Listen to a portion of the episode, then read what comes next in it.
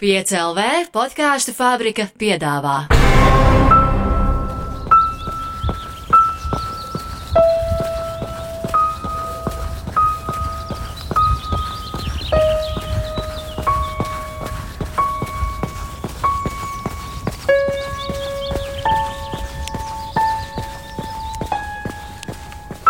Runājam par skriešanu. Mani sauc Toms Grēviņš, un pagājušā gada decembrī labdarības maratona dod pieci ietvaros.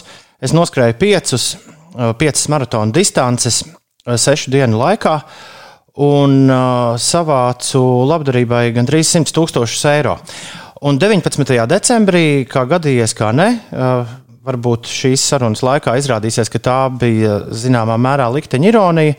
Pateicoties Izraels vēstniecībai un viņu ziedojumam, es skrēju Liepājā. Un uh, Liepājā man pievienojās daži jaunieši, kuriem skrēja ar mani kopā. Un tā bija pirmā reize, kad es izdzirdēju Evijas Rēnas vārdu. Jo šie jaunieši teica, ej, vai tu dzirdēji, kas nu pat ir noticis? Kas nu pat ir noticis Antarktīdā? Un es teicu, nē, es skrienu jau vairākas dienas, es neko nezinu par to, kas ir noticis Antarktīdā.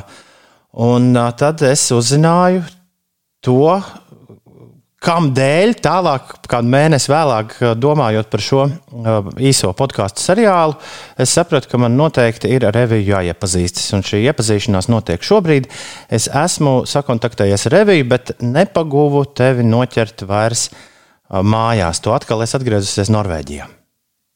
Tieši tā, uz, kā, uz kādu brīdi. Es sveicinātu un prieks, ka piekrīti ar mani papļāpāt. Šodien mēs runāsim par skriešanu, jo tā jau šo visu arī sauc. Runājam runājam par skriešanu. Klau, es skatījos, ka tu esi šobrīd tādā Eiropas maratona turnīrā. Pēc 18 dienām tev ir nākamais maratons, un tu nu pat noskrēji trīs maratonus divu nedēļu laikā. Jā, tā varētu teikt. Trīs svētdienas pēc kārtas. 15 dienas sanāk, jā. Jā, jā, jā. Ka, kas tas ir? Kāpēc, to, kāpēc šobrīd savā skriešanas karjerā tu dari tieši šo? Šī nav pirmā reize. Varētu būt piecus gadus atpakaļ. Man bija četru svētdienu turnīra pa Eiropu, tā varētu teikt.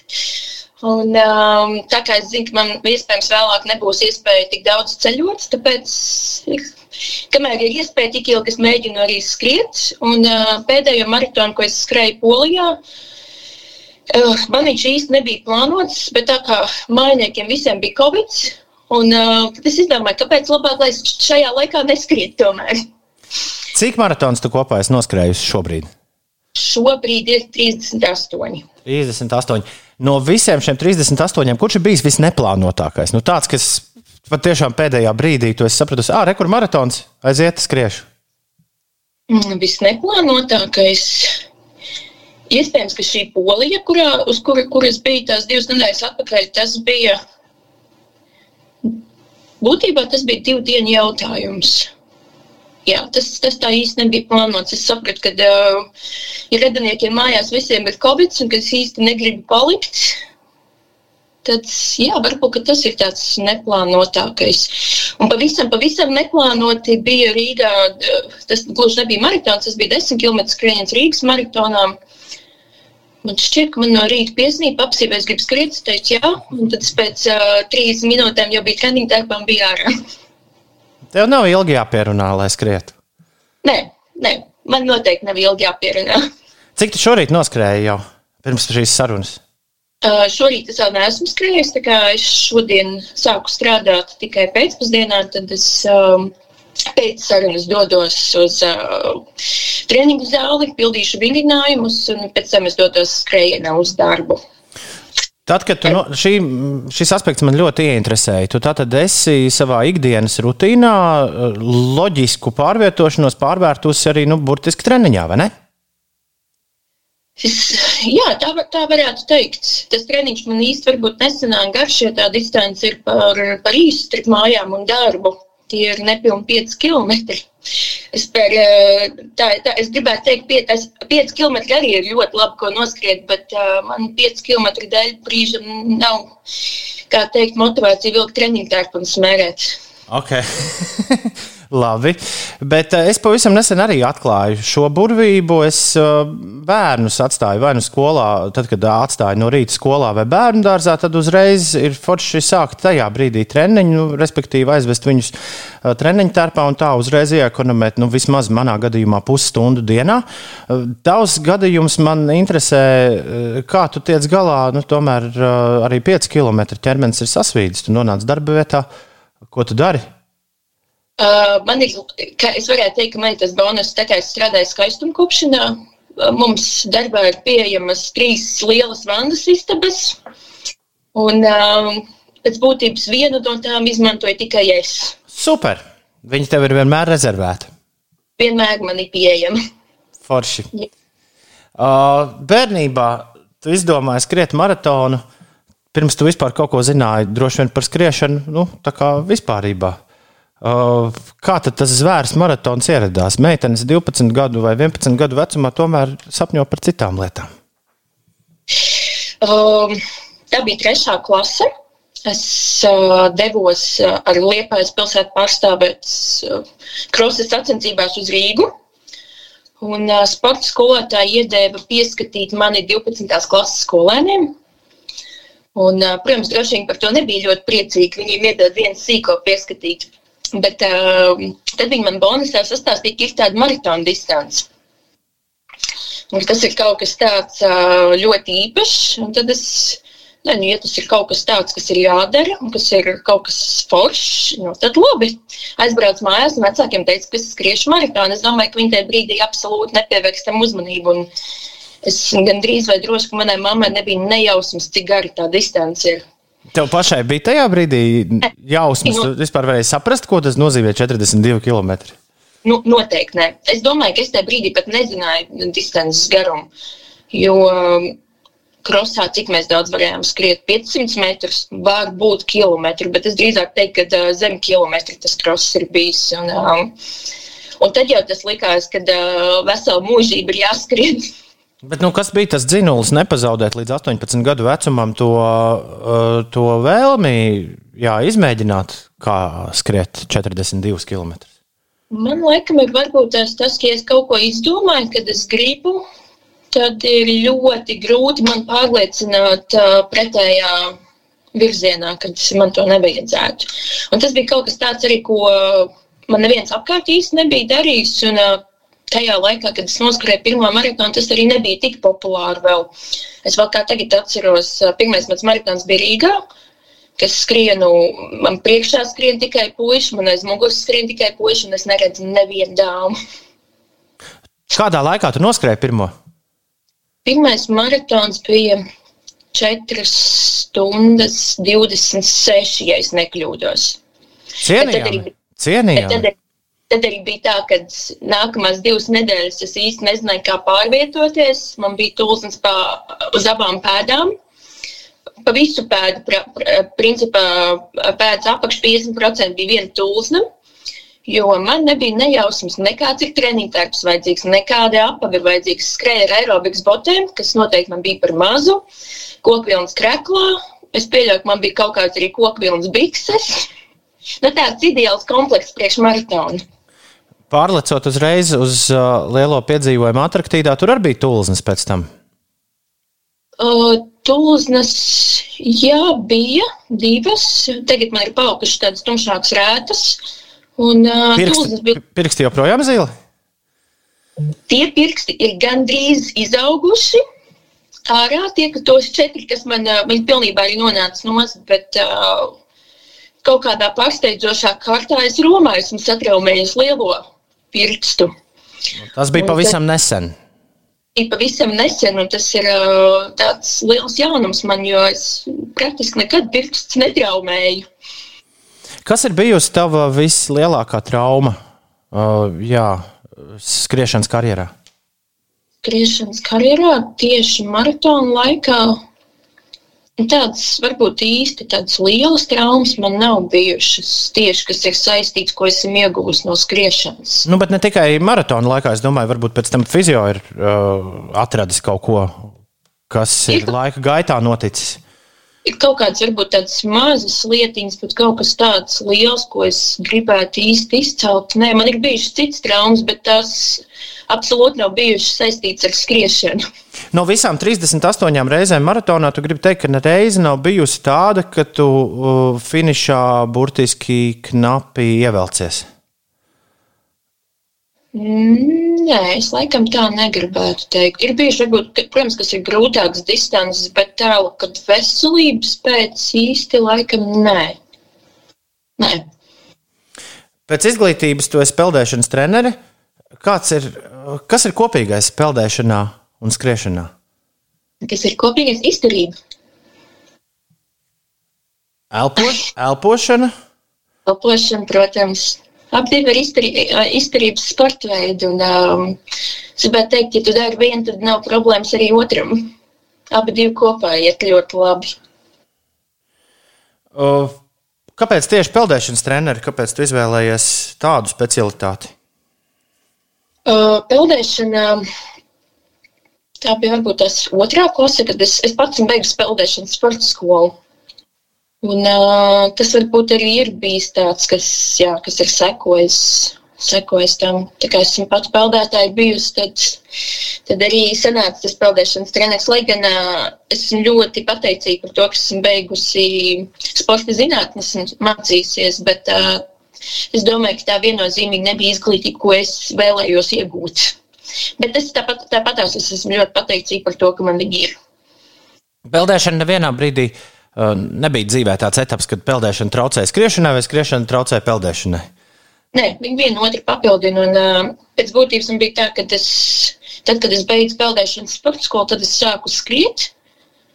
Un tagad es uh, diezgan veiksmīgi kombinēju peldēšanu kopā ar skriešanu.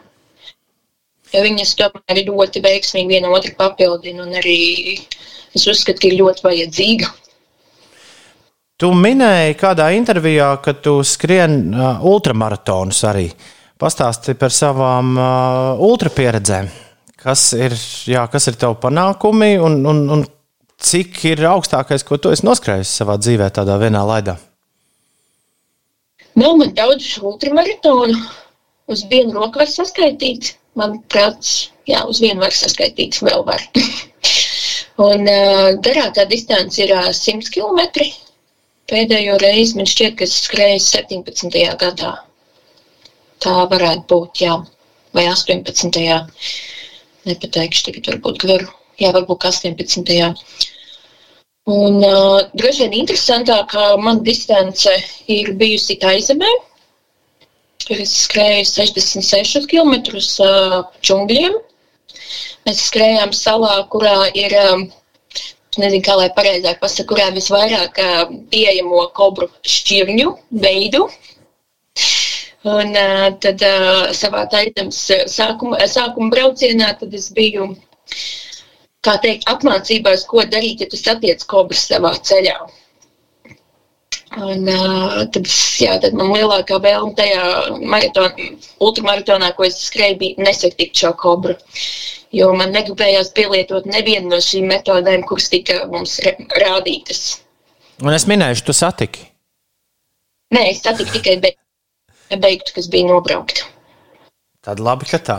Bet es pieļauju, ka apkārt noteikti viņas bija. Bet, uh, es viņu vienkārši nepamanīju par laimi, tad es, tad es droši vien būtu finišējis vēl kāds pāris stundas ātrāk. Sajūta ziņā tā apetīte rodas ēdot, Sākumā tu sāc skriet 42, un tad sāc uzdot jautājumu, vai es varu vēl kaut ko? Uh, ar ultramaratonu man īsti laikam nekad nebija plānots skriet ultramaratonu. Varbūt, kad es gribēju teikt, pirmais ultramaratons bija diezgan neplānots. Man viņa piedāvāja skriet. Matīs Vecvagars. Matīs piedāvāja, un es teicu, domāju, viņš varbūt kādu nedēļu pirms tā ultramaratonu viņa skriet. Man tajā reizē, kad es to pirmo ultramaratonu skrēju, man bija 20, 20 gadi vai 21. Un, uh, un es tā ļoti veiksmīgi piekritu. Nu, jā, kāpēc ne? Labi, brauks. Ja man jau nebija nejausmas, uz ko es, uz ko es piekrītu, jo tajā brīdī, kad es noskrēju to pirmo ultramaratonu, es pieļauju, ka es biju noskrējis kādus trīs, četrus maratonus pirms tam, ne vairāk. Tas bija tāds sākums. Un, um, man šķiet, ka toreiz visi Latvijas pārstāvji, kas bija, viņi bija diezgan satraukšies par mani, jo katram mums bija jāsarūpē tas ēšanas galds, ko mēs, eh, tā pārtika bija pašam jāsliek uz galdu, ko mēs tik ēdīsim pa tiem simt kilometriem. Es atceros, ka man toreiz bija kola, man bija čipši, oņas, varbūt man bija kāds banāns, bet nekas cits vairāk man arī nebija. Un tad es uh, zinu, ka man treneris no Daugopils, viņš man uh, nesa dzērienus, viņš man lika ēst banānus, viņš teica tā, ka, nu, lai es kaut kur pusceļā nepalīku. Bet es atceros, ka tas tie pirmie 40 km tajā simtniekā bija diezgan viegli, jo tur 40 km es norināju vienu vīriņu kopā. Viņš izstāstīja visu dzīvi, bet tos pirmos 40 es vispār pat nepamanīju, ka viņi pagāja kaut kā. Un bija 40 km sarunām. Kur tur ir lūzuma punkts? 100 km distancē. Mm, pirmajā reizē es domāju, ka man tādi bija vairāki. Varbūt pirmais varēja toreiz būt kaut kāds 70 km. Pirmā reize bija diezgan, diezgan sarežģīta priekš manis, jo tu sāci septiņos no rīta, bija saule.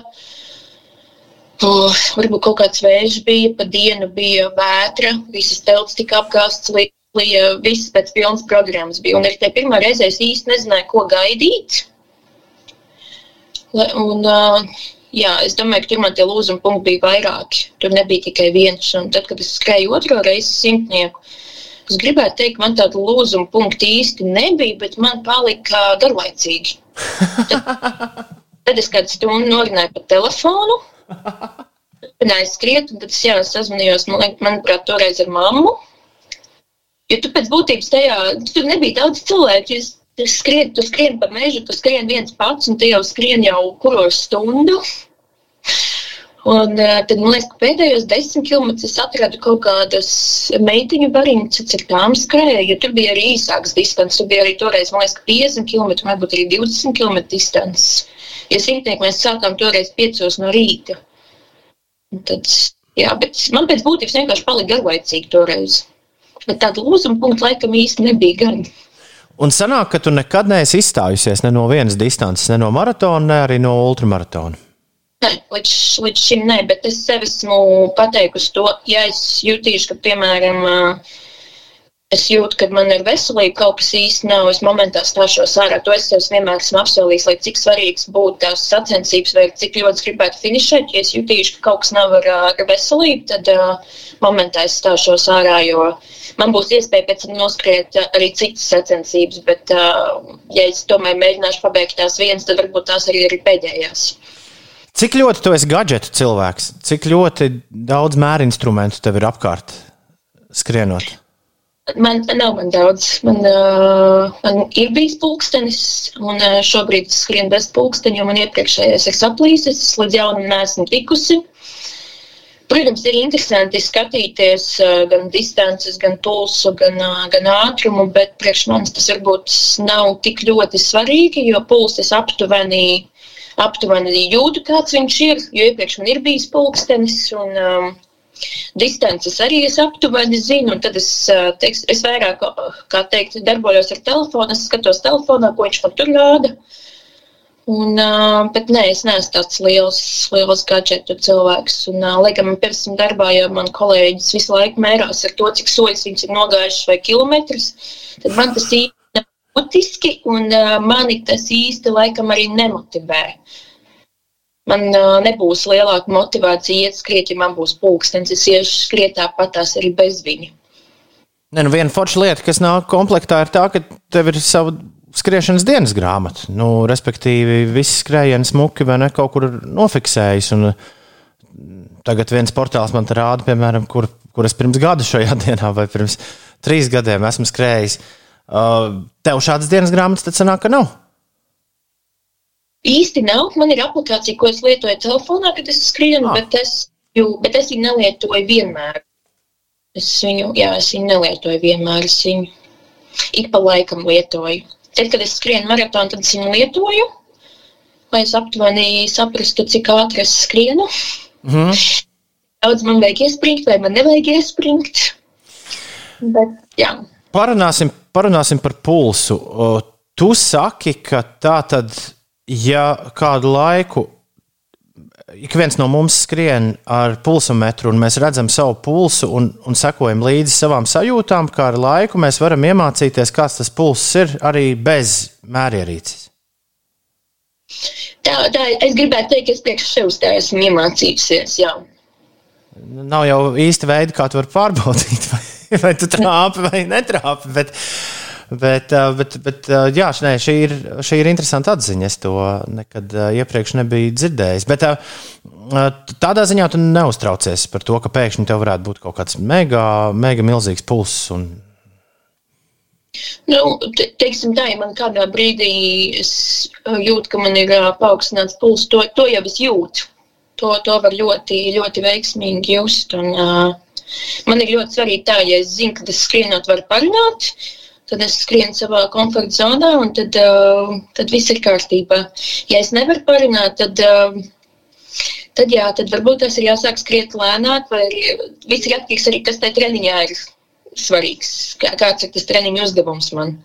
Vai man ir tikai jānokļūst no punkta A uz punktu B, vai es gribu kaut kādu citu teiksim, uzdevumu veikt? Jā. Runājot par to runāšanu, es saprotu, tu esi liela runātāja. Skrienot, tev patīk uh, komunicēt ar pārējiem, ja, ja tomēr nē. Nē, es arī pēc būtības lielākoties skrienu viena pati. Un, uh, Jā. Nē, es neesmu tāds liels. Maratona distancēs es pat būtībā vienmēr ir kādu paspēju aprunāties pa ceļam. Bet uh, Antarktīda bija vienīgais, kurā es pateicu, ka uh, šī nebūs tā distance, kurā es runāšu. Mm, tu stāstīji manam kolēģim uh, Ingu Mulmanim, tad, kad tu viesojies Monopolā janvārī, starp citu, to var noklausīties Latvijas radio. Uh, jaunajā lietotnē meklējiet raidījumu monopols. Tur, tur jūs daudz un dikti tieši par to Antarktīdas piedzīvojumu mm, izrunājāties. Man palika iespējas, ka tā speciāli vienmēr mēģina ar kādu, ar kādu papļāpāt. Nē, nē no, no, noteikti nē. Es, esmu, tā, es varu ļoti daudz lietas darīt viena pati. Man uh, nav vienmēr vajadzīga kompānija. Tad, kad man ir kompānija, tad man tas ir. Uh, tas tomēr veids, eh, veicina savu veidu apgrūtinājumu priekš manis. Un, bet, ja kāds sāk runāt, piemēram, maratona laikā, es nav tā, ka es skrienu uz priekšu un atbildēju. Es varu arī mierīgi pusstundu, stundu noskait kopā un norināt. Tu klausies mūziku arī skrienot? Uh, jā un nē. Tad, kad es uh, maratona laikā parasti klausos, Un, uh, tad, kad es skrienu ikdienā, ja es skrienu vairāk pilsētvidē, tad es uh, cenšos mūziku klausīties mazāk, jo tad es vairāk klausos to, kas man notiek apkārt, lai es uh, dzirdu, kāda man ir satiksme un uh, tomēr domājot uh, par drošību. Kādreiz runājot par šo pilsētu vidas drošību, ir bijis kāds, uh, kāds starpgadījums? Uh, par laimi, nē. Bet uh, ir varbūt bijušas kaut kādas situācijas, kurās es zinu, ka es esmu patvainīga pie tā. Un, um, jā, tāpēc, tāpēc pa pilsētu skrienot, es cenšos. Es kādreiz, protams, klausos mūziku, bet uh, cenšos to darīt mazāk. Tad, kad tu klausies mūziku, kādu mūziku tu klausies? Man parasti viss prasa, vai tev ir kāda skriešanas playlist. Tad es ļoti smējos par to jautājumu. Bet, var, bet varbūt tev ir skriešanas playlist? Tieši skriešanai atsevišķi man nav. Man ir uh, telefonā jā, lejuplādētas.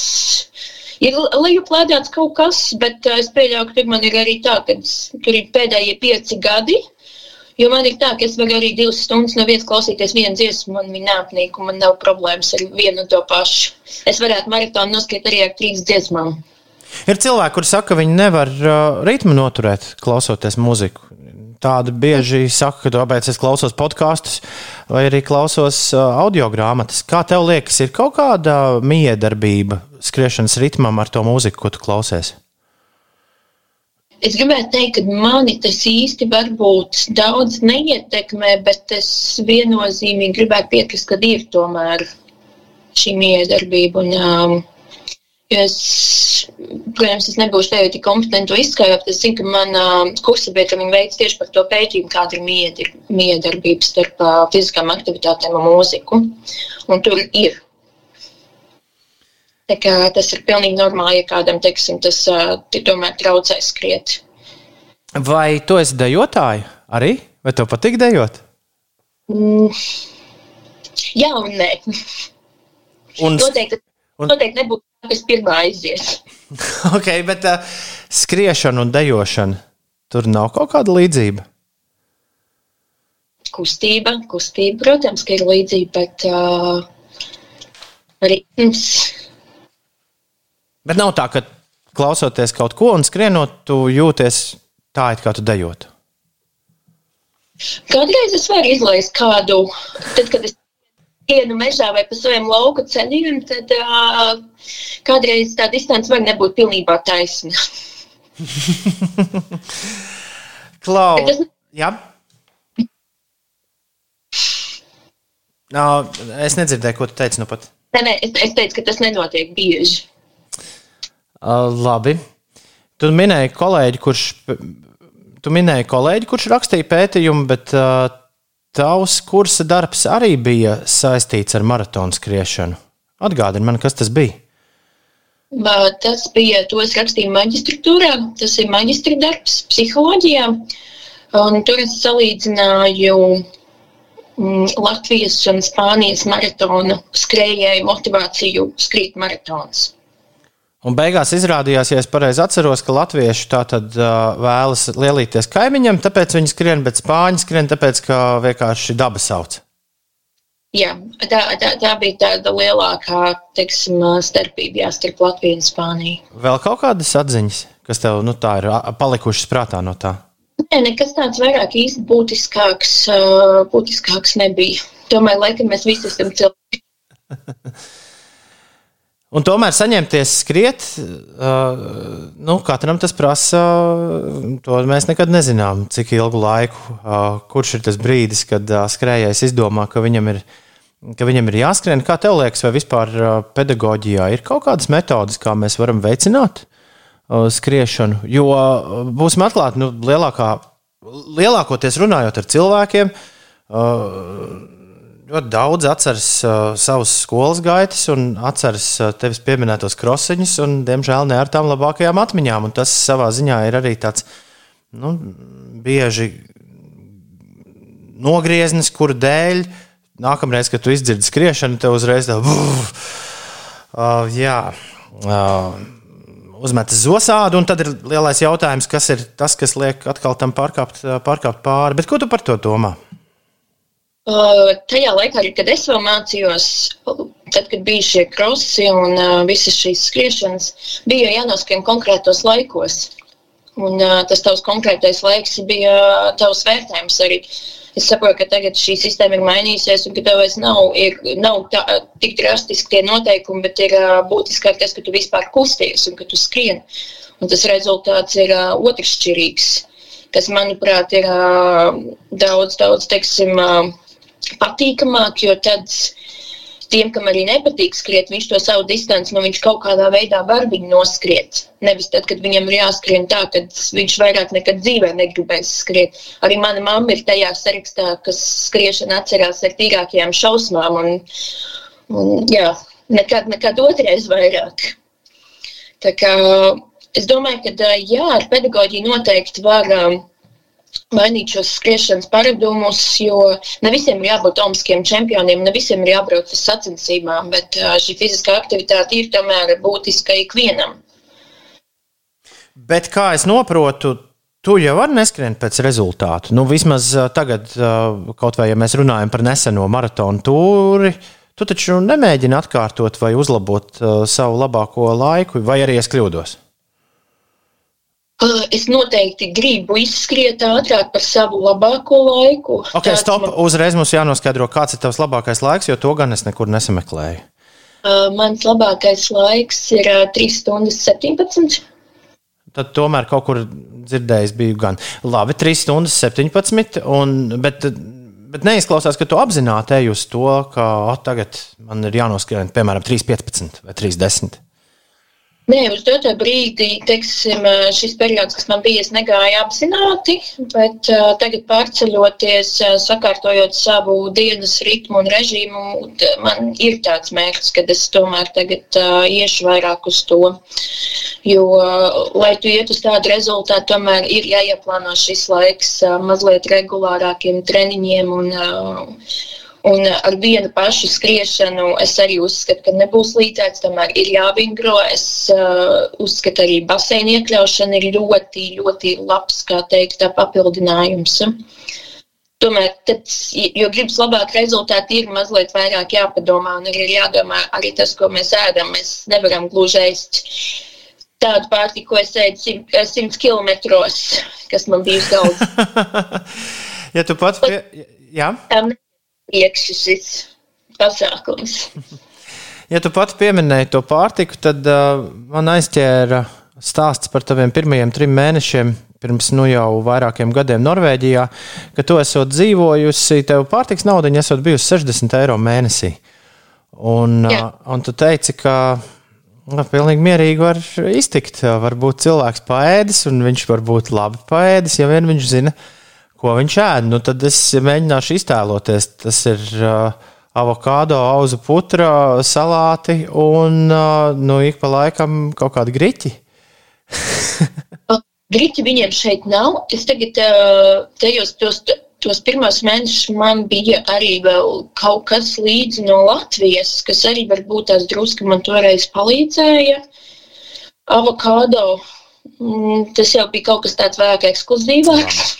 Jā tajā laikā, kā es saku, tos trīs mēnešus, jā, var tādā veidā kaut kā salikt kopā, bet tas uh, nebija īsti risinājums, protams, ilgtermiņā.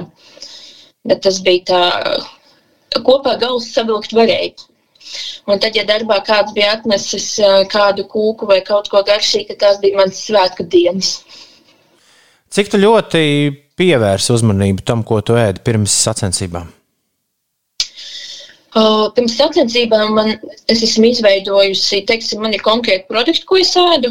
Tā ir putra, ko es aplieku ar ūdeni. Tas ir banāns un tā ir melna kafija. Tās ir uh, trīs lietas, ko es vienmēr, es gribētu teikt, ka pēdējos, pirms pēdējiem, nu, vismaz 15 maratoniem tas ir tas, ko es ēdu. Un uh, ko es vēl iepriekšējā dienā pirms maratona, es daru tā, ka es plus mīnus 12 stundas pirms maratonas nēdu vispār. Un tad kaut kāds pāris stundas pēc maratona sēž tās savas brokastis. Tā ir tāda mana tāda rutīna, ko esmu izstrādājis. Jo tad es zinu, ka man viss būs kārtībā ar vēderu. Man nebūs jādomā, man nebūs kaut kāds liekas stress. Un, jā, tam es diezgan īsumā pievēršu uzmanību, es zinu, ka man pēc tam būs daudz patīkamāks skrējiens. Jo es zinu, kā ir tad, kad tu izsēdi kaut ko citu vēl bonusā. Tātad tu neesi makaronu cienītāji pirms vai pēc maratona?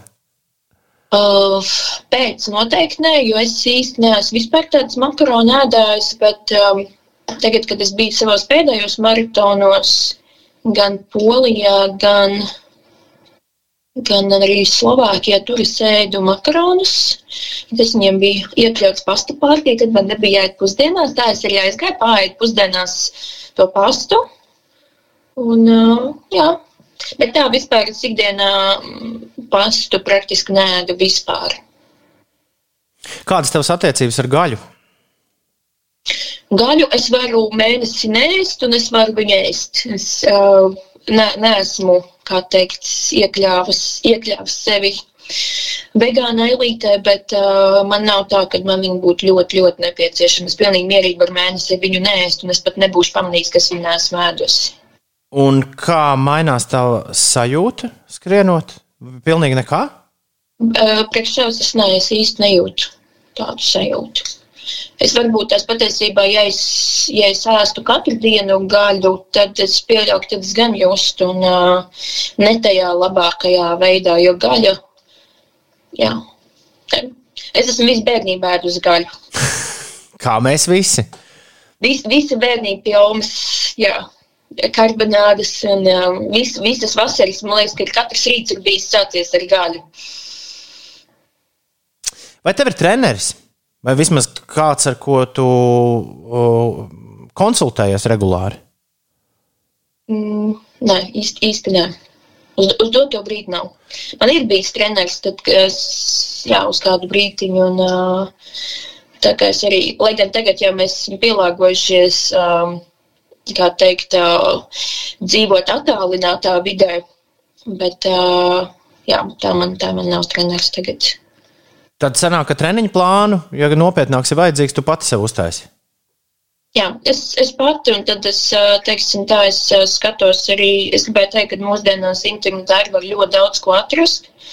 Un tad es varbūt tās es paskatos, kas ir tur rakstīts, kas ir, kas ir vienā vietā ieteikts, kas ir otrā vietā ieteikts, un tad es pielieku vēl savas zināšanas kopā, un tad es salieku tādu vidējo. Un, jā. Mm, piedod, var jau būt, ka kļūdos, bet fakts, ka tu esi pasaules ātrākā sieviete Antarktīdā, manuprāt, būtu pietiekami uh, laba reklāma, lai kaut vai amatieru skrejējus trenētu stā, Stavangerā. Kāpēc tu neej šajā virzienā? Es esmu tikko, tikko ieradusies, es pagājušajā piekdienā tikko domāju. Okay. Tā, tā, tā, tas ir virziens, ko es uh, tagad uh, darīšu. Pēc būtības šodien man ir pirmā pusē diena brīva. Pirmā diena, kopš esmu atlidojusi. Un, uh, es vēl neesmu līdz tam tikusi, bet uh, iepriekš, kamēr es šeit dzīvoju, tad uh, pāris kolēģus, uh, teiksim tā, kam skriešana ir kā zobu sāpes, tad es esmu ar tiem, kā teikt, mēs esam pirmos piecus kilometrus skrējuši. Esam tik tālu tikuši, un, uh, tā, tā ir lieta, ko es tagad uh, Stavangarā noteikti sākšu darīt teiksim, tā, ka tiem, kam, tie, kas grib varbūt noskriet savus pirmos piecus kilometrus, grib noskriet desmit vai pusmaratonu un arī maratonu. Nu, re, tā tad es domāju pareizā virzienā, tevi klausoties. Jā. Bišķiņ par Antarktīdu. Man ar tevi daži jautājumi tomēr ir. Īsti nekļuva skaidrs reliefs. Tu minēji, ka traks reliefs Antarktīdas maratonā bija. Nu, ko tas nozīmē? Cik daudz uz augšu, cik daudz uz leju? Kā to varbūt tu vari aprakstīt? Es, uh, es nezinu, es kaut kur esmu teicis, ka viņš ir bijis tāds traks. Man liekas, ka viņš ir bijis. Uh, viņš bija diezgan lēzens. Viņš nebija tāds augšā lejā. Tas bija tas, ko es visu laiku domāju. Jo es jau neskrienu ar gadgetiem, es jau īsti neredzu, kāds viņš tur aha, ir. Aha. Um, un, un mēnesi atpakaļ man uh, dāņu kolēģis, viņš bija ielicis um, arī bildes no Antarktīdas skrējiena, un tad viņš bija ielicis arī bildi ar reliefu. Un tajā bildē patiesībā parādās, ka diezgan ir bijuši tie kāpuma metri, bet fiziski es viņus īsti nejūtu, kurā vietā viņi bija. Bet eh, cik, cik tie metri bija, es tagad nepateikšu, bet viņi bija daudz, daudz vairāk. Iedomājusies, ja man bija sajūta, ka, man, nu, tas, kad, jā, kad īsti tie kāpuma metri nav. Bija vietas, kur, jā, kur ir vienkārši, kur tev ir, um, kur tev kāja neiestiks sniegā, un ir vietas, kur tev ir uh, kāja, kur tev viņa iestik, iestiks sniegā. Tas varbūt tās bija tāds sarežģītāks. Bet tie kāpuma metri, es viņus īsti nejūtu, bet viņi bija. Es tieši gribēju teikt, ka nu, man tā pieredze maziņa, bet uh, klausoties un, un lasot pieejamo informāciju un tavus stāstus, tā sajūta bija, ka divas galvenās lietas, uh, kurām bija jāpievērš uzmanība un ar ko bija jāspēkojas, tad ir uh, virsma, pa kuru tu skrien, nu, kā tu arī nu pat teici. Un otrs vējš. Jā, bija vietas, kur vējš, teiksim tā, kur tev nav vējš, un tad, ja mēs skrējām četrus apļus, un tie apļi vairāk, viņi tā, tā kā nogrieznēs bija, un tas viens aplis sadalīts. Un tad, jā, tad ir, tu teikt, saprot, ka nākamie divi kilometri būs tā, ka tev ir jāskrien ar vēju, jācīnās. Un tad tu, tad tu atceries, ka ir jācīnās arī ar segumu. un kad vēl kaut kā ir jātiek uz priekšu, Bet, nu, tiki uz priekšu. Viss, viss tā, viss tā kā, es domāju, tur pat nav, nek nav nekādu jautājumu. Visus plānus, kas tev bija, tu izpildīji ar, ar izcilību. Tu skrēji, jā, tur bija kāds bija. Kāds bija izdomājis, ka tu ar lieliem zābakiem skrēji, kas nav taisnība. Tu skrēji, ar ko tu skrēji? Jā, Antarktīdu. Es skrēju ar uh, pēc būtības viņi skaitās kalnos kāpšanas apavi. Mm. Jā, viņi, bet uh, nē, zābaki liela no, nē, tie, tie, tie, tie zābaki, kas man bija, tie bija, kas bija paredzēti, teikt, atceros, par kuriem zābakiem ir runa, tie ir zābaki, kas bija, ko es, ko es īrēju, kas bija vienkārši uz vietas, ko bāzē staigāt. Aha. Bet, Jā. bet tā vienkārši kalnos kāpēju zābaki. Jā, jā ar, ar, ar visu garu tekstu priekšā, jā, lai nav, lai, nu, lai nav mitrums. Un, uh, bet nekas tāds ļoti specifisks, jo tad, kad es gāju uz veikaliem skatīties šos apavus, un tad, kad es izstāstu, uz kurien es dodos, tad, tad pārdevēji bija tā labi. Tad viņi kādu minūti stāv un tad domā. Jo tā, ka, tā, ka tādam kontinentam speciāli jau apavus neražo priekšskriešanas. Un, uh, jā, tad es tajā veikalā, kurā es iegādājos, es pieaugu, kādu stundu bija, un tad es vienkārši mērīju dažādas es mēģināju vietas drusku varbūt paskriet un skatīties, kādas, kādas ir tās sajūtas. Cik jūs kopā bijāt Antarktīdas skrējēji? Kāda ir konkurence? Mēs kopā bijām 62, un, ja es nekļūdos, tad mēs bijām 12 sievietes. Un tu atskrēji 4. kopvērtējumā. 4. 4. kopvērtējumā, 1. dāmas klasē. Forši, Klau, ar ko Ziemeļpols atšķirsies no Antarktīdas? Ziemeļpols atšķirsies ar to, ka viņš uh, ir daudz, daudz augstāks. Ja Antarktīdā šī temperatūra bija mak, uh, mīnus 15, un tā bija maksimāli mak, aug, augstākā temperatūra, kas bija, tad Ziemeļpolā tie var būt arī mīnus 40. Un uh, Ziemeļpolā līdz ar to viņiem tā distance ir uh, viens apels ir 4 km. Un, ja tie laikapstākļi ir pārāk, kā teikt, nelabvēlīgi, tad ir jāiet obligāti teltī sasildīties, un tikai tad tu vari turpināt. Ka viņi teiksim, tā, tevi, tevi daudz, daudz vairāk kontrolē. Un tur ir tā, ka tur ir. Tur tiešām var būt, uh, tas vējš un tas sniegs, ka tu skrien un ka tu vienā brīdī līdz celim vari arī iegrimt. Kāds, Tā kā tas kāds tur ir trases rekords dāmām? nepilnas 5 stundas, 4,50 kaut kas tāds, manuprāt. Izklausā, Jā. izklausās pēc plāna, vai ne?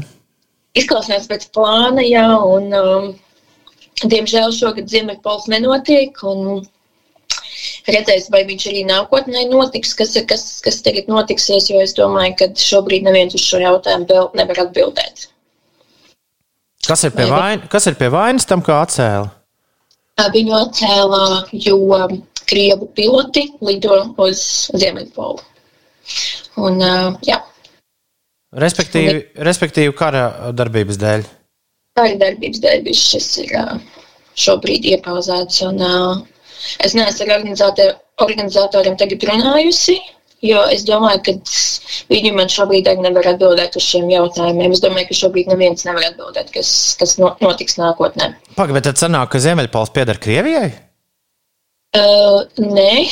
Uh, viņiem ka- kaut kāda daļa pieder. Pēc būtības Ziemeļpols nepieder nevien, nevienam, bet ne? uh, viņi ir apmācīti uz turieni lidot, un uh, viņi ir tie, kas arī tur ceļ bāzi. Bet viņi noteikti nav vienīgie. Tāpēc es pieļauju, ka organizatori tagad uh, skatās, kādas, kādas ir iespējas un kādas ir opcijas kaut ko mainīt. Kā uz turieni vispār lidot caur Islandi?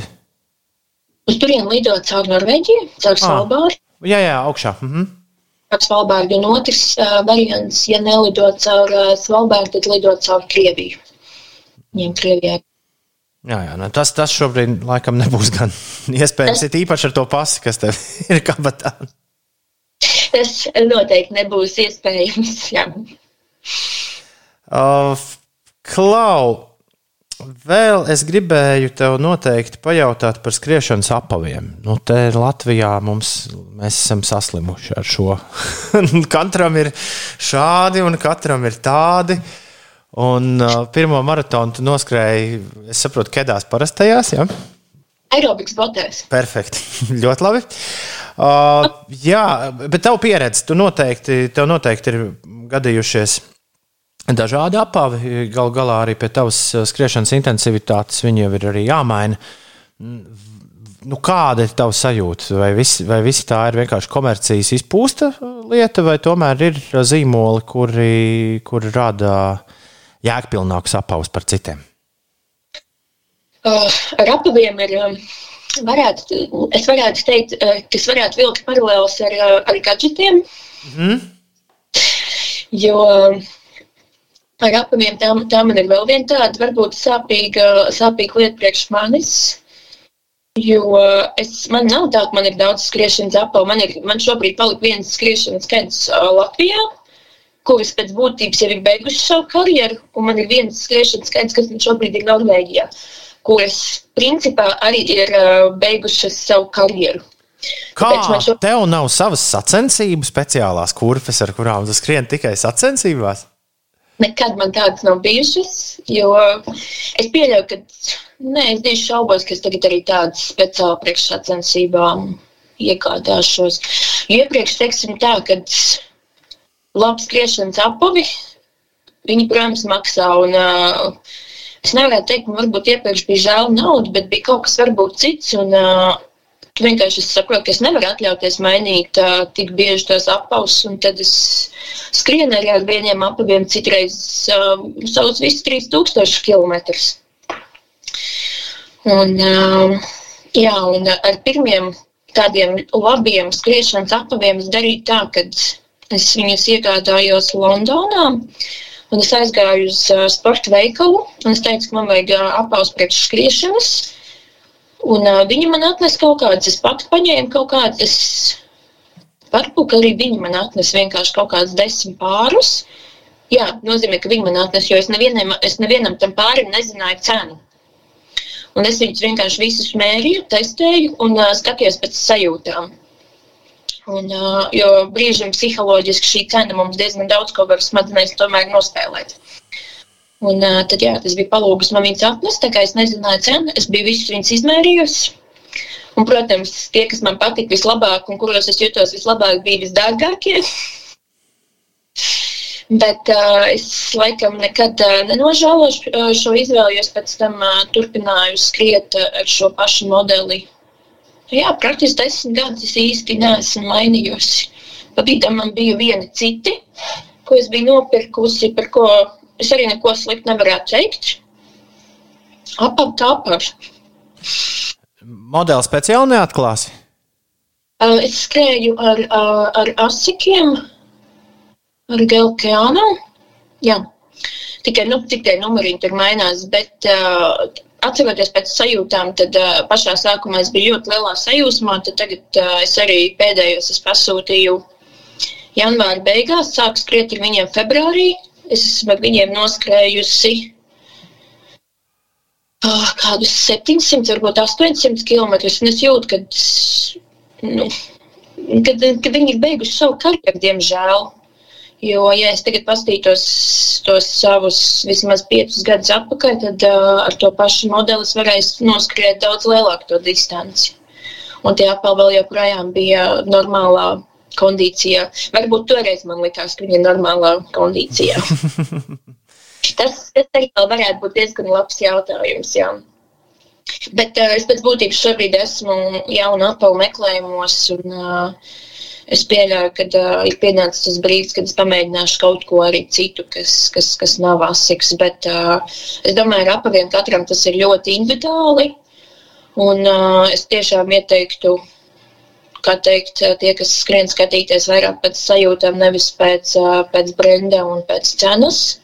Jo tas, un ar to, ko skrien varbūt pārējie, jo tas īstenībā ļoti daudz mēdz ietekmēt, mēdz tikai ietekmēt, un uh, nevienmēr tas ir tas labākais. Mums katram pašam ir vienkārši jāiztestē, un ir vērts aiziet uz veikalu, varbūt ir pavadīt to savu stundu un vienkārši izmērīt visu pēc kārtas, lai tu tiešām vari saprast, kā tu viņos jūties.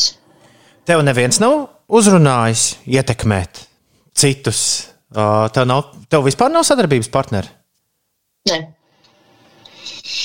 nav, nav, man, nav man gan, bet arī, teiksim, tā, ja man būtu, tad um, man ir tā, es nevaru stāstīt par kaut ko, ja es pati par to neesmu tā, ka man pašai tas tiešām patīk. Jo, ja man tas pašai nepatīk, tad uh, tad, tad, nē, tad es, es arī nevarēšu stāstīt citiem par to, ka tas ir kaut kas foršs.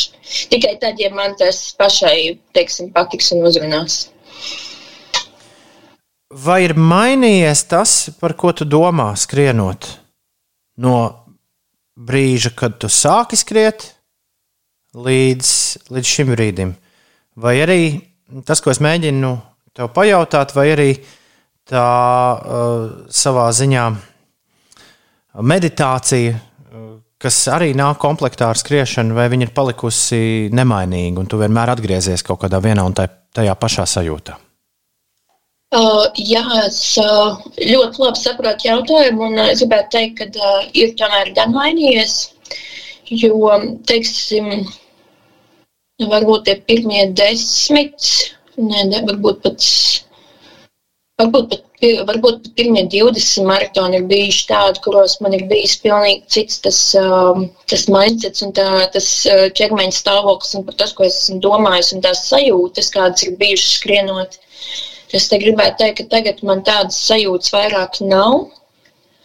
Un uh, man arī pēc sajūtām liekas, ka mm, organisms ir sapratis un tā aizsēs skriet, kad nekas jauns vairāk nav. Tu to esi darījis daudzas reizes.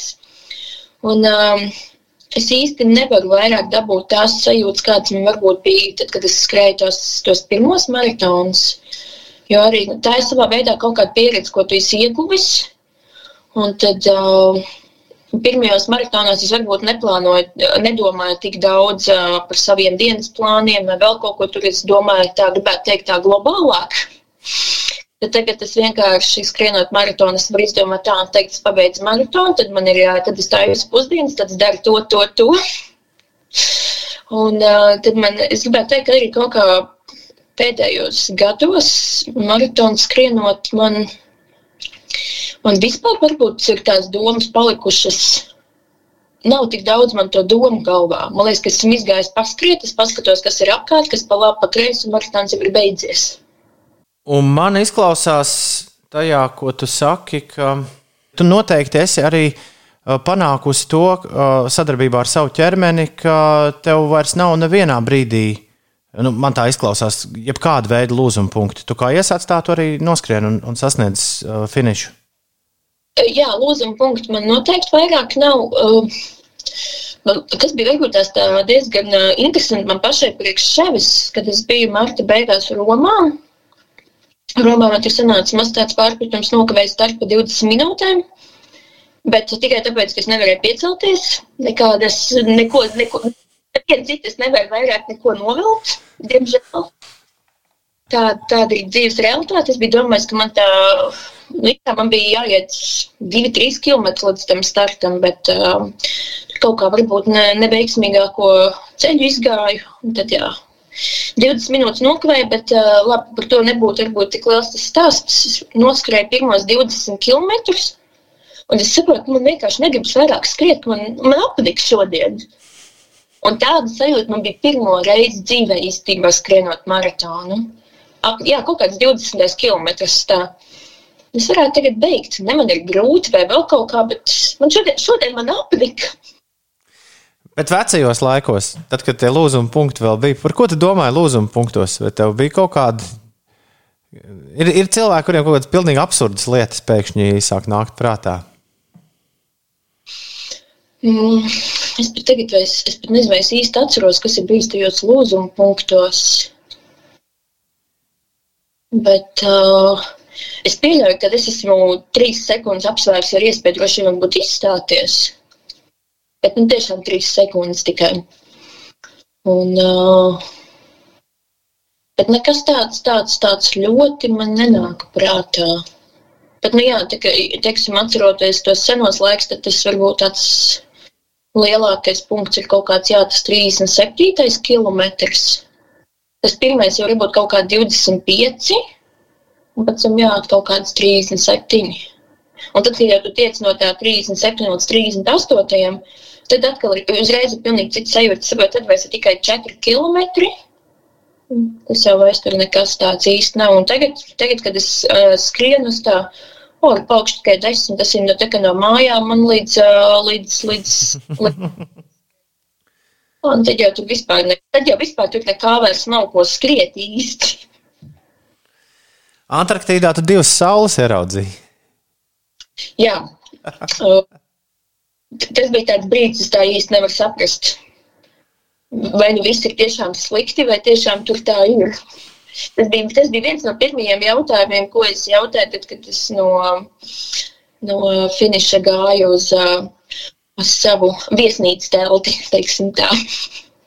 Nu, redz, redz, par ko izrādās ir tā prāta vētras dziesma par divām saulēm. Jā. Bet izrādījās, ka, tā, ka tas tur normāli tā tāda parādība, vai ne? Tas ir normāli. Tas bija vienkārši lokus apkārt saulē. Ja? Tā, tā. Skaidrs. Nu, ko? Lielas vēl paldies par sarunu. Es tev novēlu sagaidīt, sagaidīt Ziemeļpola maratonu agrāk vai vēlāk. Jo es saprotu, ka tas, ir, ka tas tagad ir svarīgākais, nu, uz kurien vajadzētu tiekties dzīvē. Vai tomēr ne? Nē, nē. Antarktīda, nu, uh, Antarktīda bija mans svarīgākais. Tas bija mans sapnis, mērķis, jau 11 gadus. Tad, uh, es gribētu teikt, ka Ziemeļpols vienkārši nācis bonusā. Jo pēc būtības ir jāgaida uz viņu, lai, piet, lai tiktu uz viņu. Bija jāgaida arī rindā aptuveni kaut kādi divi gadi, bet tā kā es biju uzvarējis, tad viņi man, kā teikt, sarunāja šo vietu. Un, uh, jā, es, es esmu sarakstos, es sev esmu, neesmu izņēmis no dalībnieku sarakstā, jo tad, kad viss šī situācija sākās, bija iespēja izņemt ārā naudu un atteikties no šīs skrējiena. Es teicu, ka tomēr beigās atstāšu. Un kad, tad, kad viņš notiks, es gribu skriet. Nu, ņemot vērā inflāciju, arī diezgan labs ieguldījums. Es, es tā domāju. Jā, jo, jo tas bija, tas bija vēl viens teikums, ko viņa man teica. Ja es tagad izņemšu ārā šo, šo naudu, tad, tad, kad es pieteikšos vēlreiz, šī dalības maksa būs visticamāk pāris tūkstoši vēl klāt. Jo viņi nebija pāris gadus tagad to cenu cēluši augšā. Bet, nē, Ziemeļpols noteikti nav tāds lielākais. Lielākais, ko es uz doto brīdi gaidu, ir nākamā gada Bostonas maratons Es gaidu, kad atvērsies pieteikšanās, jo esmu izpildījis kvalifikāciju, lai pieteiktos uz Bostonu. Kāda ir, kāda ir dāmas kvalifikācija? Uh, tas, tie kvalifikācija laiki ir dažādi. Viss ir atkarīgs pēc vecuma. Es esmu tajā vecuma grupā, kur ir 3,30. Oh. Es tagad Slovākijā izskrēju 3,20, un tad vajadzētu būt ok ar šo laiku. Ātrākais maratons pasaulē. Jā. Nu, tā ir laba vieta, kur savu personīgo rekordu vai nelabot. es saprotu, ka pats maratons par sevi ir diezgan sarežģīts. Viņš, es, viņš nav ātrākais pēc rezultātiem. Viņš ir vienkārši. Tur nevar skriet visi, visi kas mm grib skriet. Jā, tā, tas varbūt tāds man ir viens no, no, no nākamajiem, kurus gribētu kurš noteikti visticamāk varētu būt ātrākā ziemeļpols. Nu, un, Vai? nu, un, lai tev būtu visu kontinentu ķeksīši, tev vēl vajag Sidnejas uh, maratonu un, teiksim, uh teiksim Sao, Sao Paulo maratonu noskriet. Jā.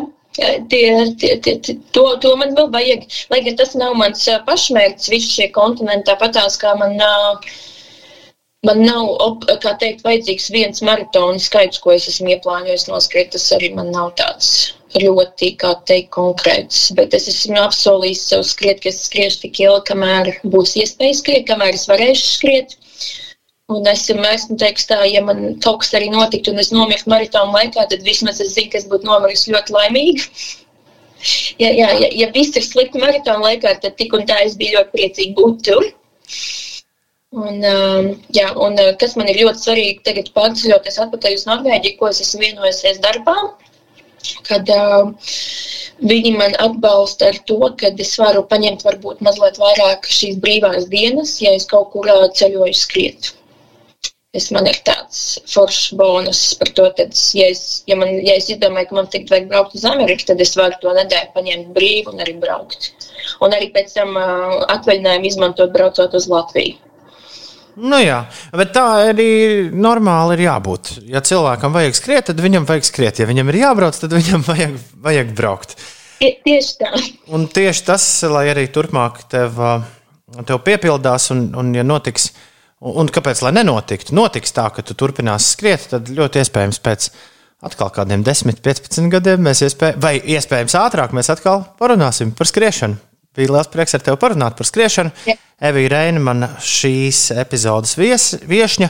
Un, lai būtu seriālos tas sauc cliffhanger, ka ir kaut kas, kādēļ ir jādomā nu, tā tālāk, tad es tev uh, kaut ko pateikšu uzreiz pēc tam, kad ieraksts būs beidzies.